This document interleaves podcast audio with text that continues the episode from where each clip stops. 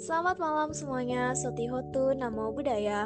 Pada kesempatan kali ini, di Bamita, yaitu salah satu aktivis muda-mudi yang ada di Wihara di Barat Tanah, mempersembahkan Digital Dhamma. Digital Dhamma adalah suatu podcast yang akan membahas mengenai topik dalam kehidupan yang kemudian akan dikaitkan dengan Dhamma. Baik, tanpa berpanjang kata, saya langsung saja memperkenalkan diri saya. Nama saya Vanessa Trinita selaku host dari podcast Digital Dama ini. Kali ini saya ditemani oleh seorang narasumber bernama Charlene Liuvelda. Ia adalah seorang remaja yang juga merupakan anggota dari Diba Mita. Sebelum kita mulai, mungkin dari Charlene sendiri ingin berbagi ataupun memperkenalkan dirinya sejenak. Baik, terima kasih kepada Vanessa Trinita. Uh, baik, Halo teman-teman semuanya, perkenalkan nama saya Sarlin Liuvelda. Silahkan panggil aku Sarlin aja. Aku kelas 11 yang sedang bersekolah di Sekolah Dharma Suci Pluitmas yang ada di Jakarta. Tapi karena program stay at home, jadi aku belajar dari rumah. Dalam kesempatan kali ini, aku hadir di sini untuk berbagi dengan teman-teman semuanya dalam melewati malam hari ini khususnya ya, Vanessa. Iya, betul sekali. Nah, tak lupa juga saya mengucapkan terima kasih kepada Charlene karena telah bersedia meluangkan waktunya untuk menjadi narasumber pada podcast ini. Topik yang akan dibahas pada kesempatan kali ini tentunya tidak terlepas dari COVID-19 yang sedang melanda dunia. Tentunya dalam kondisi seperti ini, hal-hal yang dibicarakan hanya berkaitan dengan jumlah kasus positif yang meningkat, angka kematian, keterpurukan negara yang dilanda pandemi, dan sebagainya. Semakin maraknya berita-berita buruk seputar COVID-19 tentunya berakibat pada masyarakat yang mendengarnya. Menurut Anda, apakah dampak yang ditimbulkan dari membaca ataupun mendengar berita-berita buruk tersebut? Tentunya, dalam kegiatan kita keseharian, berita-berita itu sudah mudah ya kita akses dalam kehidupan sehari-hari sudah terkait juga dengan berita baik ataupun berita buruk. Nah, dalam di sini konteksnya itu berita buruk adalah berita yang tidak berguna ataupun yang tidak bermanfaat. Entah itu kebenarannya adalah sesuai atau hanya bisa menjadi hoax. Tentunya dengan kita membaca, mendengar, melihat berita-berita buruk dalam kehidupan sehari-harian kita, ketika kita lakukan itu dengan sering, tentunya akan membawakan dampak. Nah, dampaknya itu apa? Yang pertama itu adalah stres, tentunya ya. Iya. Nah, ada berbagai pengertian yang terlintas di benak kita sekarang nih. Semuanya mengerti kata stres ini dengan cara yang berbeda-beda. Tapi secara umum ada orang yang mengatakan kalau stres itu uh, biasanya otaknya itu pengep nih, susah berpikir secara tenang uh, ataupun terlampau tegang. Jadi kita juga bisa gagal fokus lah, susah tidur seperti itu. Lalu juga ada dampak yang kedua adalah cemas ataupun rasa takut yang berlebihan. Kita khawatir nih, kita takut kalau misalnya kejadian itu terjadi dalam diri kita ataupun kita mungkin saja menjadi korban dari kejadian itu yang tentunya kita nggak harapkan. Secara otomatis kita itu menolak. Lalu ya dampak yang lainnya adalah panik. Nah, kita tahu ya teman-teman kalau misalnya panik itu bisa menurunkan sistem kekebalan tubuh kita. Kita itu panik istilahnya itu kita menerima sesuatu secara mentah-mentah akhirnya itu menyerang otak saraf otak kita dan saraf otak kita melawan karena tidak menerima kejadian seperti itu lalu bangkit untuk melawannya pada akhirnya berkesinambungan ke dampak-dampak yang lain seperti stres, cemas ataupun takut.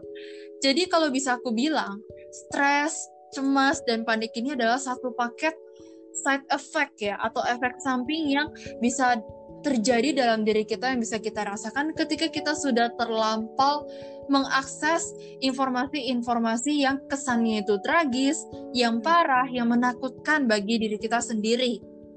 Tapi selain itu juga ada dampak-dampak lain loh ternyata, yaitu perubahan persepsi.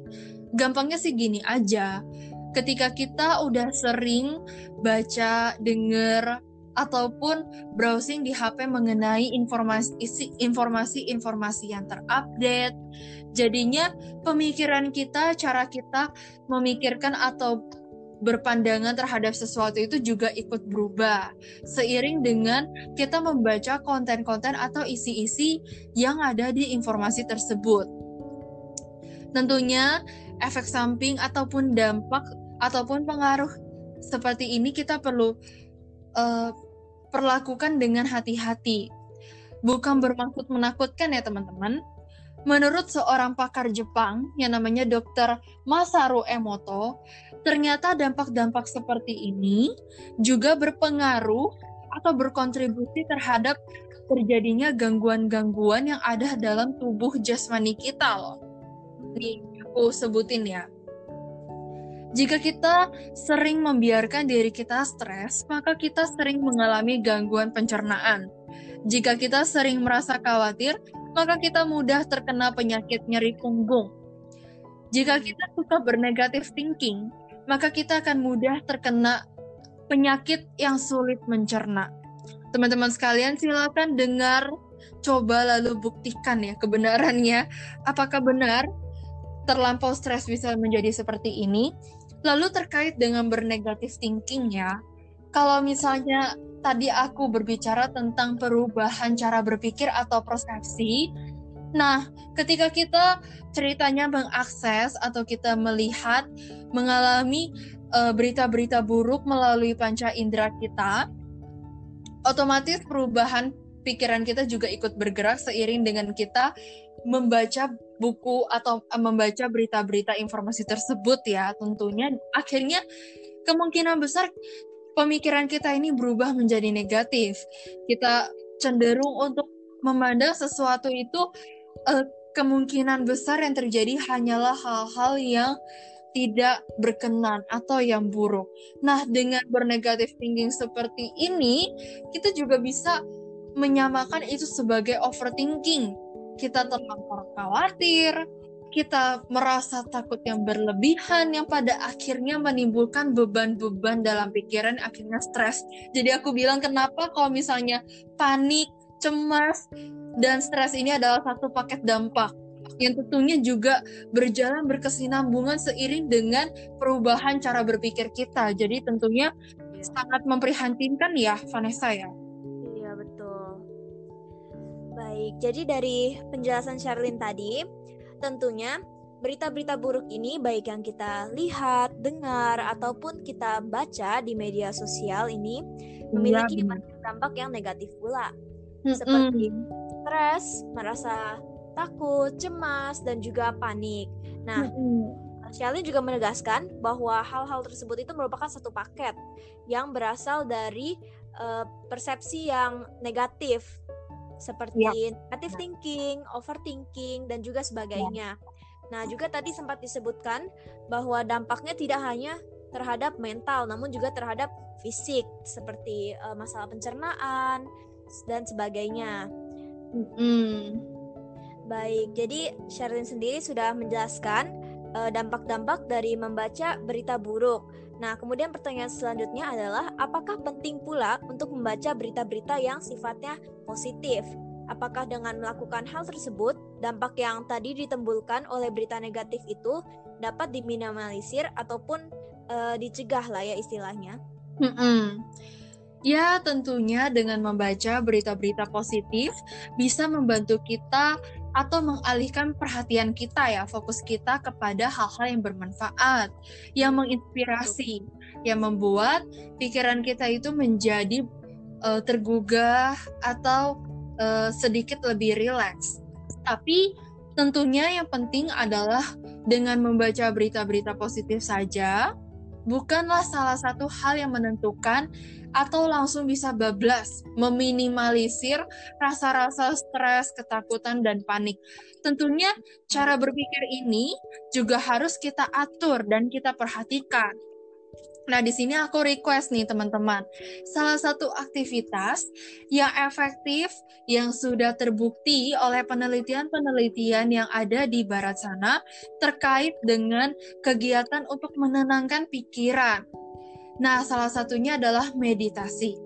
Teman-teman, apa sih itu meditasi? Meditasi ini adalah kegiatan kita dalam mengamati proses berpikir ataupun hal-hal yang terjadi yang di dalam diri kita, baik secara mental ataupun yang terjadi dalam tubuh ketika tubuh kita mengeluarkan sensasi panas, terjadi sensasi sakit, ataupun mengenai sensasi pikiran yang sedang bekerja dalam memikirkan sesuatu baik mengenai hal yang lampau atau mengenai pikiran-pikiran kita yang sedang berkutak-katik ataupun mengenai hal yang masa depan. Intinya di meditasi ini akan membangkitkan kesadaran kita dan juga menenangkan diri kita untuk menerima dan mengobservasi, merasakan sensasi-sensasi yang sudah terjadi di dalam diri kita. Nah, selain meditasi, juga aku ingin menyarankan teman-teman untuk menjaga keseimbangan dalam hidup. Nah, kalau teman-teman uh, sudah mengenal atau sering mendengarkan hal-hal atau ceramah ceramah-ceramah yang ada di disebutkan oleh Ajan Bram, hmm. salah satu tokoh yang sangat menginspirasi, yang penuh dengan cinta kasih, yang sedang terkenal dalam hal budistiknya, monastiknya yang ada di barat sana. Beliau pernah mengatakan bahwa ketika kehidupan Nah, beliau pernah mengatakan bahwa hakikat kehidupan adalah menjadi teduh dan menentukan keseimbangan sendiri. Jadi kita harus bisa mengatur batasan-batasan di mana ketika kita sudah merasakan bahwa diri kita udah stres nih, udah terlampau panik.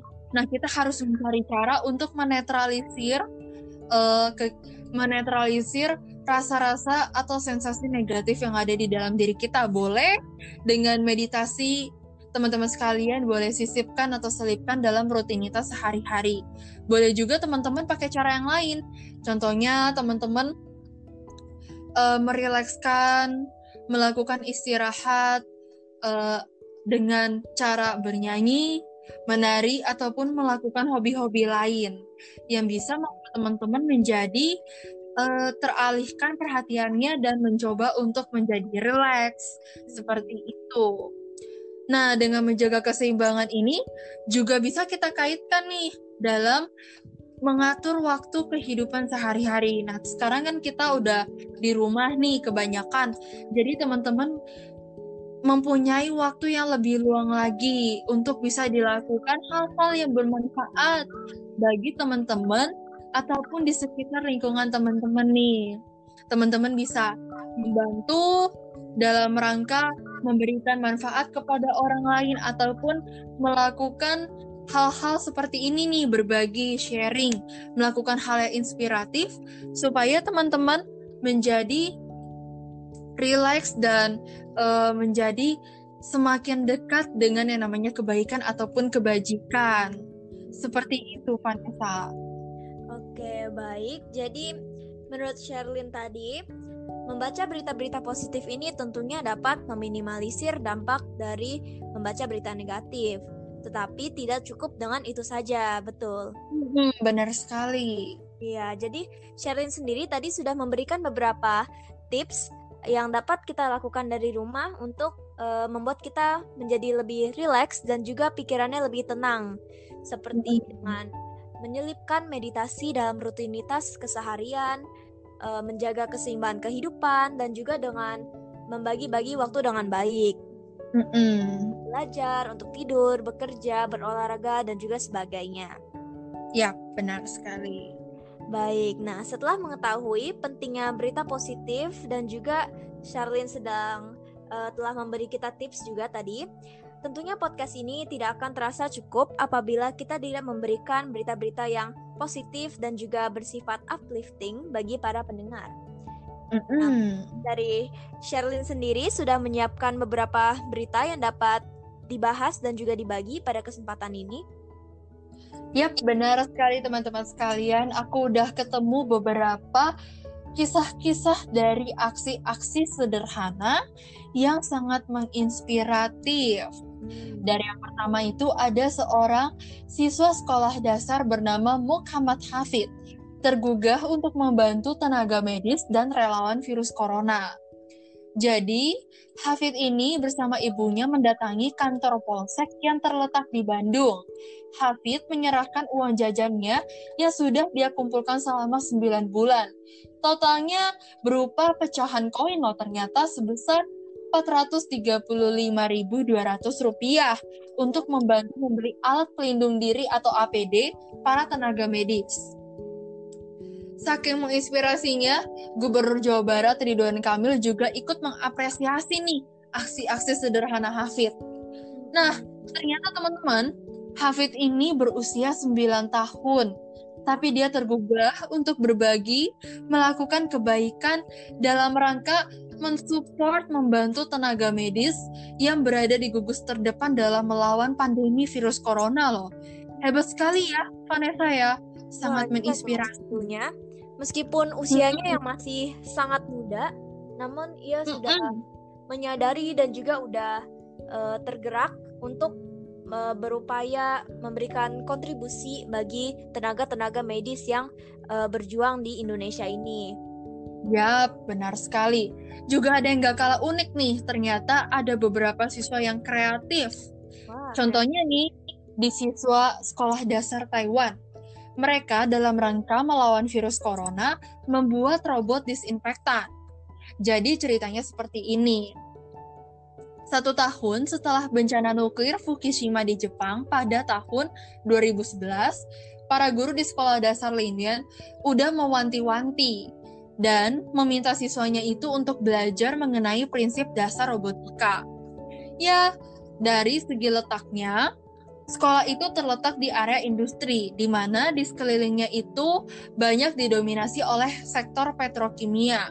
Juga guru-gurunya pengen siswa-siswanya itu bisa memecahkan masalah untuk ke depannya. Dalam hal realitas tentunya seperti kebakaran, polusi udara, dan ledakan gas. Sejak saat itu pula, sekolah tersebut mewakili Taiwan dalam berbagai kompetisi internasional di luar negeri dan mendapatkan beberapa penghargaan dengan klub robotnya. Nah, juga meminjam kesempatan kali ini dengan pandemi corona, siswa-siswa yang berumur dan berusia 6 hingga 12 tahun itu mencoba menggunakan robot disinfektan alkohol buatan sendiri setiap saat. Jadi mereka membuat robot tersebut dari bahan dasar salah satunya adalah dari Lego. Sangat unik Robot tersebut dirakit oleh beberapa siswa sebaya mereka di bawah bimbingan pelatih robotik. Nah, ternyata robot tersebut juga bisa mengeluarkan rekaman suara kayak gini. Cuci tangan itu super. Nah, dari sensor ultrasonic robot itu. Juga robot itu juga bisa ngeluarin alkohol disinfektan dari fungsinya aja untuk uh, cuci tangan gitu. Jadi kesannya itu kayak uh, pencuci tangan. Nah, jadi alkohol jadi alkohol disinfektan yang dikeluarkan yang udah disemprot bisa dimasukkan kembali dengan mekanisme motor dan roda, roda gigi nih. Nah, di sebelah robot itu juga ada layar yang bisa menunjukkan berbagai situasi yang memerlukan siswa-siswa itu untuk cuci tangan sangat membanggakan ya ternyata guru-guru di sana juga ikut bangga atas aksi-aksi ataupun aktivitas unik yang dilakukan oleh siswa-siswa SD yang ada di Taiwan tersebut. Nah, bagi yang penasaran ini ada di mana sih? Jadi sekolah ini terletak di Kaohsiung yang ada di Taiwan Selatan sangat luar biasa uniknya ya dan juga kreativitas tanpa batas ini dalam memanfaatkan teknologi untuk membantu melawan virus corona. Nah, Vanessa ternyata ini juga bisa loh dijadikan sebagai aksi yang mendorong ataupun mensupport dokter-dokter yang sedang bekerja keras untuk melawan virus corona yang ada di Taiwan juga. Iya, betul banget. Dan seperti yang kita tahu kasus di Taiwan juga masih sangat sedikit ya sampai sekarang. Iya, saat ini ternyata Taiwan hanya mencatat 45 kasus virus corona. Jadi bisa kita bilang secara langsung ataupun gak langsung siswa-siswa itu juga ikut membantu dalam rangka mencegah ataupun melawan ataupun mengurangi ya tentunya iya.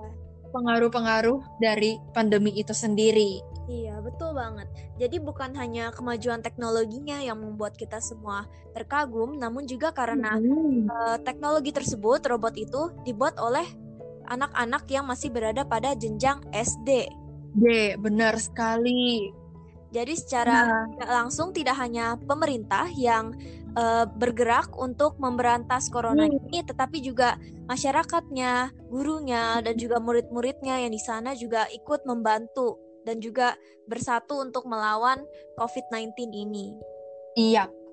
Nah, tentunya yang terakhir adalah mengenai kisah sederhana banget ini.